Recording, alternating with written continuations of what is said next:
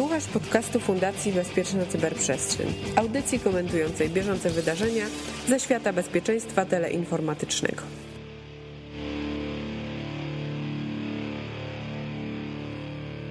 Kiedy twój telefon wyloguje się nagle z sieci GSM, wiedz, że coś się dzieje. W 48 odcinku Cyber Cyber opowiem o tym, jak złodzieje przechwytują konta i jak choć częściowo się przed tym bronić. Nazywam się Łukasz Jachowicz i dziś przede mną spore wyzwanie. Audycję prowadzę sam. No to zaczynamy. Punkt pierwszy. Mam strasznie długie hasło do poczty 12 cyfr. Czy to oznacza, że bezpieczeństwo u mnie jest ok? No niestety nie. Składające się z cyfr hasło jest prawie równie złe jak hasło będące zwykłym słowem.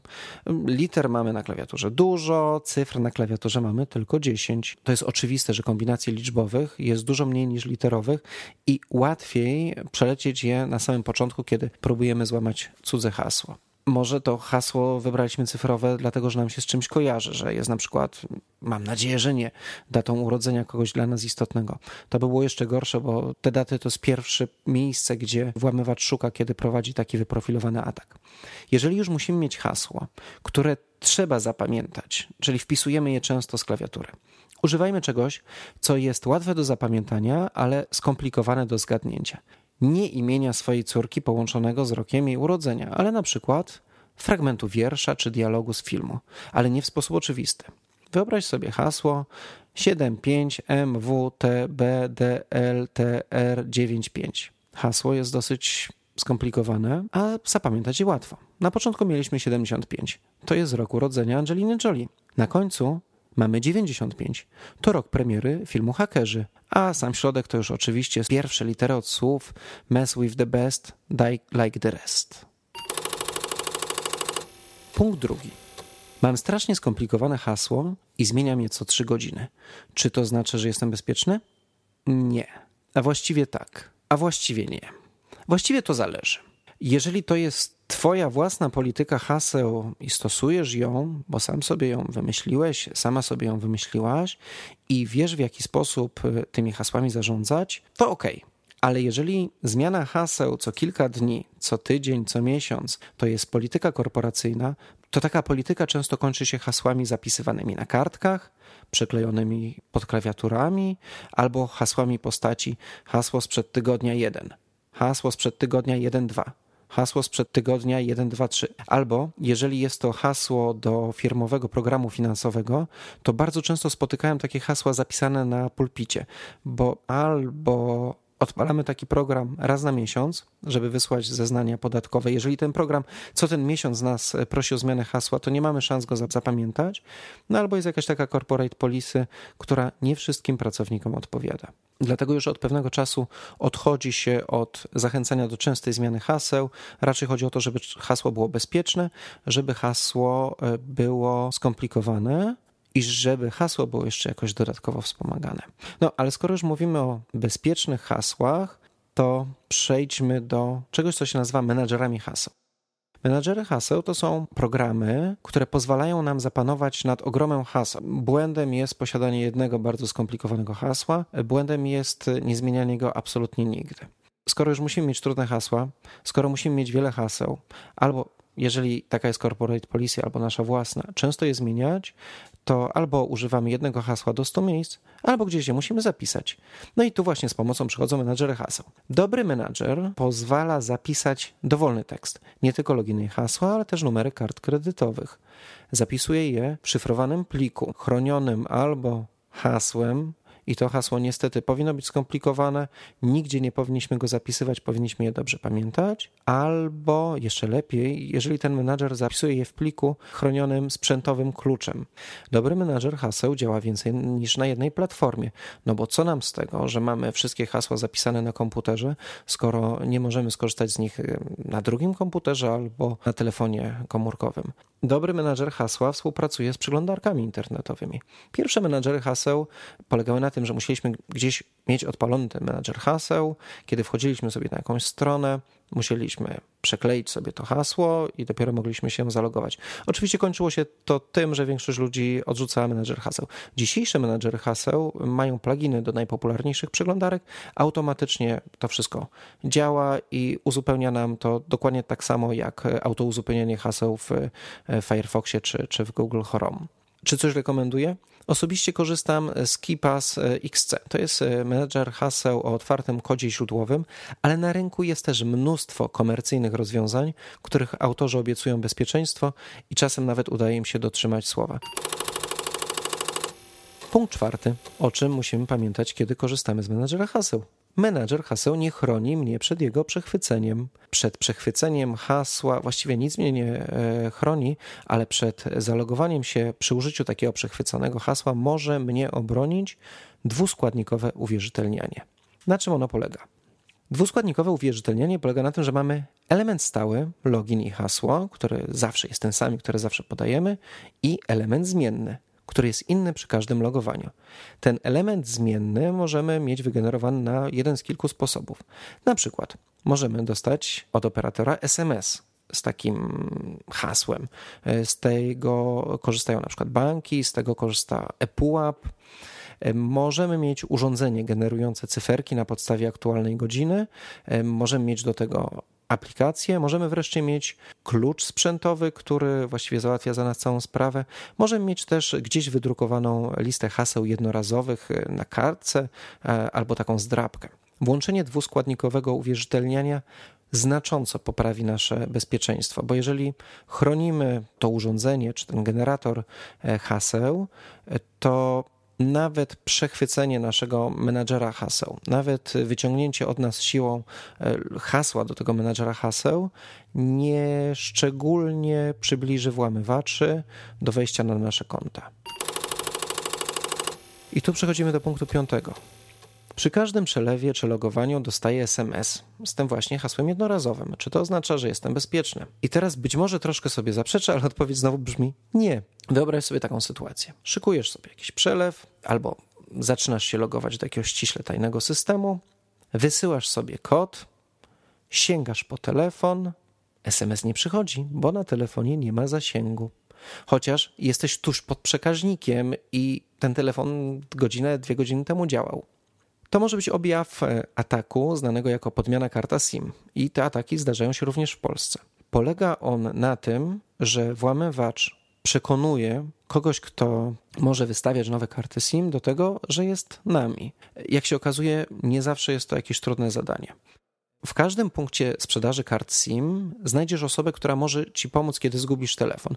Idziesz, prosisz o wydanie duplikatu karty SIM. Mam taką propozycję, spróbuj to kiedyś zrobić i jeszcze powiedzieć, że niestety nie masz ze sobą dowodu osobistego, dowód osobisty jest w innym mieście, pomocy, pomocy potrzebuje telefonu.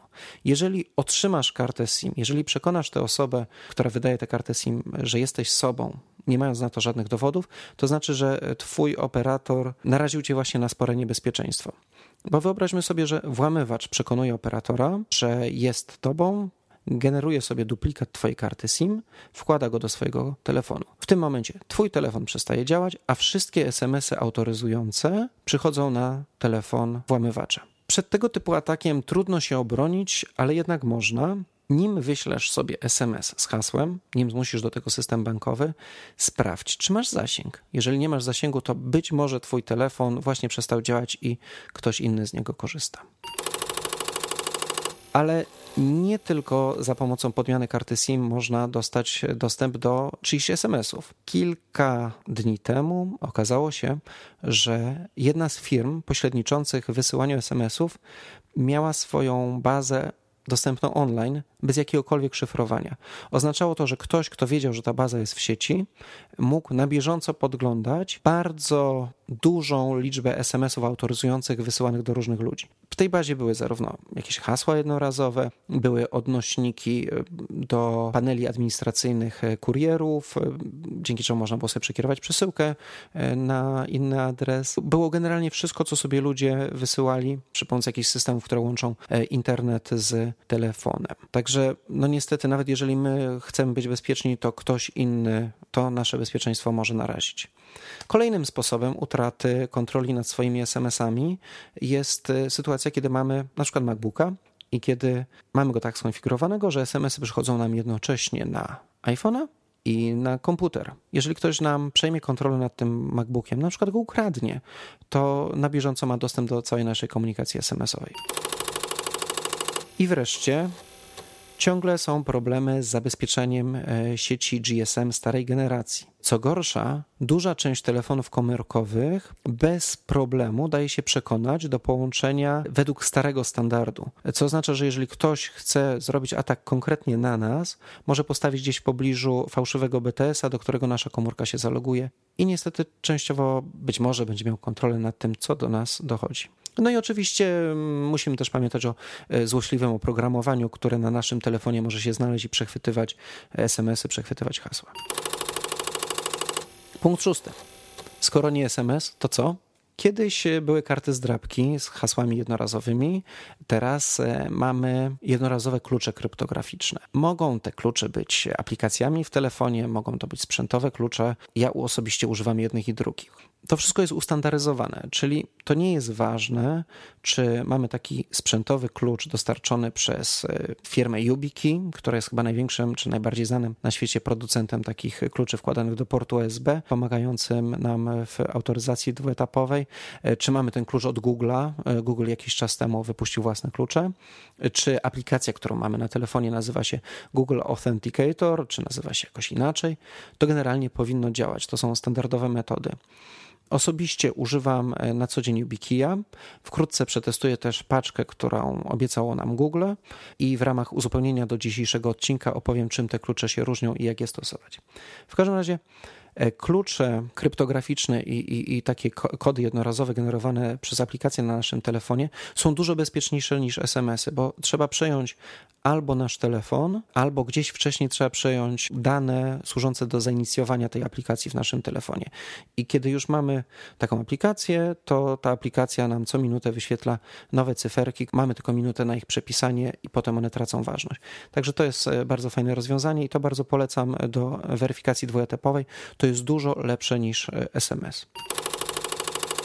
Punkt ósmy. Moje hasło jest na liście najpopularniejszych haseł na świecie. Skoro tyle osób je wybrało, to znaczy, że jest dobre.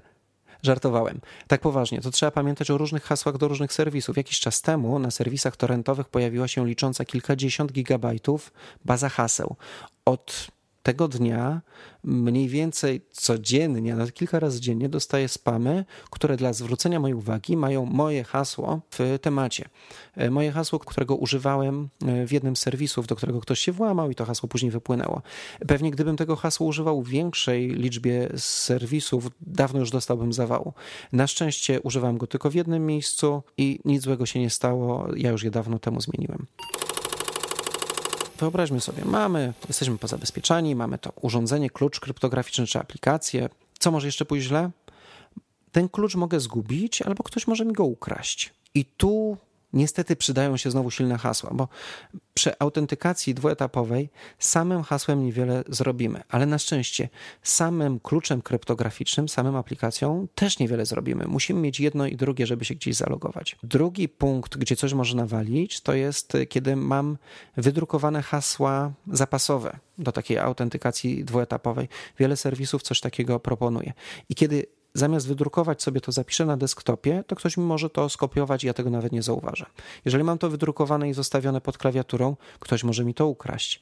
Także nie. Jeżeli już sobie drukujemy te hasła, zamknijmy je w kopercie, zaklejmy w kopercie, zabezpieczmy kopertę tak, żeby zobaczyć, że ktoś przy niej grzebie i zostawmy gdzieś w bezpiecznym miejscu w domu znajomego albo coś w tym stylu ktoś może całkowicie obejść mechanizm autoryzacji. Ktoś się może włamać do serwisu, e, z którego korzystamy i olać nasze logowanie, po prostu wejść bezpośrednio do naszych danych. To niestety się zdarza. No i wreszcie, być może mamy to bardzo silne uwierzytelnianie dwuetapowe, mamy klucz sprzętowy, ale jednocześnie serwis, e, z którego korzystamy, oferuje metody awaryjnego logowania, jakbyśmy ten klucz zgubili. I wtedy ten klikamy, zgubiliśmy klucz, i wtedy na przykład ten serwis przysyła nam odnośnik do zalogowania się bez, bez użycia tego, tego urządzenia SMS-em, a wiadomo, że SMS-y nie są bezpieczne, bo o tym już wspomniałem, albo co gorsza, wysyła go nam mailem. Konto mailowe to jest taki we współczesnych czasach pojedynczy punkt awaryjny. Jeżeli wszystkie systemy, wszystkie mechanizmy odzyskiwania dostępu do konta mamy podpięte pod swój publiczny adres e-mail, jeden, konkretny, i to jest ten sam adres e-mail, o którym wszyscy inni wiedzą, to każdy, kto będzie chciał nas zaatakować, będzie próbował wejść na tego maila, ponieważ dzięki dostępowi do tego maila może dostać, nie znaczy zawsze dostanie, ale może dostać dostęp do większości serwisów, z których współpracujemy. I to tyle tych najważniejszych rzeczy związanych z bezpieczeństwem e, haseł, bezpieczeństwem naszych kont. Podsumowując, korzystamy z weryfikacji dwuetapowej. Jeżeli mamy jakąkolwiek inną możliwość weryfikacji dwuetapowej niż SMS, skorzystajmy z niej. Jeżeli nie, no to nie mamy wyjścia. Lepsza taka niż żadna. A skoro już tyle mówiłem o kluczach kryptograficznych, dwa tygodnie temu ogłosiliśmy konkurs. Pytaliśmy o cyferki będące gospodarzami odcinka. W związku z tym, że tamten odcinek wyjątkowo nie ukazał się w środku tygodnia, jeszcze nie minęły regulaminowe dwa tygodnie na przesyłanie odpowiedzi. W związku z tym zwycięzcę ogłosimy w 50. odcinku CyberCyber, ale skontaktujemy się z nim już w przyszłym tygodniu, jak tylko go wybierzemy. Za to już dziś mogę powiedzieć o nagrodzie. To będzie właśnie klucz utrudniający nieuprawnione zalogowanie się do systemu wyprodukowany według projektu firmy Google. I to już koniec 48 odcinka podcastu CyberCyber. Archiwum audycji i najnowsze odcinki znajdziesz na stronie Fundacji Bezpieczna Cyberprzestrzeń, w katalogu iTunes, na naszym kanale YouTube i oczywiście na popularnym serwisie społecznościowym. Dzisiejszy odcinek przygotował i poprowadził Łukasz Jachowicz. W przyszłym tygodniu info obsowo, a my usłyszymy się za dwa tygodnie i myślę, że w większym gronie. Zapraszam.